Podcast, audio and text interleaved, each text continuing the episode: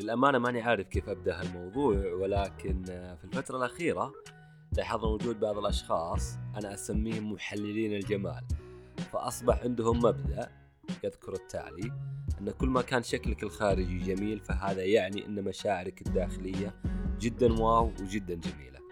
وكل ما كان شكلك الخارجي نص نص آه فمعليش مشاعرك راح تكون نص نص. يعني شوف إذا مشاعرك نص نص معناته شكلك الخارجي نص نص. ما ما أدري شلون ربطوها مع بعض ولكنهم نسوا مقولة لماركوس زوساك. يقول لك أحيانا ما يشع الجمال من الناس ليس من خلال مظاهرهم أو كلماتهم بل من مجرد طبيعتهم. الهدف من الجملة هذه أنك خذ الوقت الكافي للتعرف على الناس على حقيقتهم ومن ثم قرر مقدار الجمال الذي يتمتعون به. إحنا ما نحكم على الشيء من الشكل الخارجي.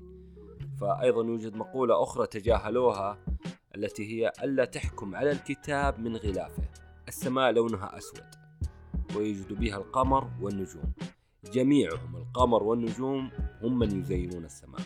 سبحان الله. آه، فلذلك أتمنى ألا نحكم على الأشخاص من شكلهم الخارجي ونحكم على نيتهم من شكلهم الخارجي أو طريقة كلامهم. وفي النهاية كان معكم أخوكم خالد الغانم. طبعا ما أدري البعض الحين بيقول شكلك نص نص يعني مشاعرك نص نص الله يهديك استودعتكم الله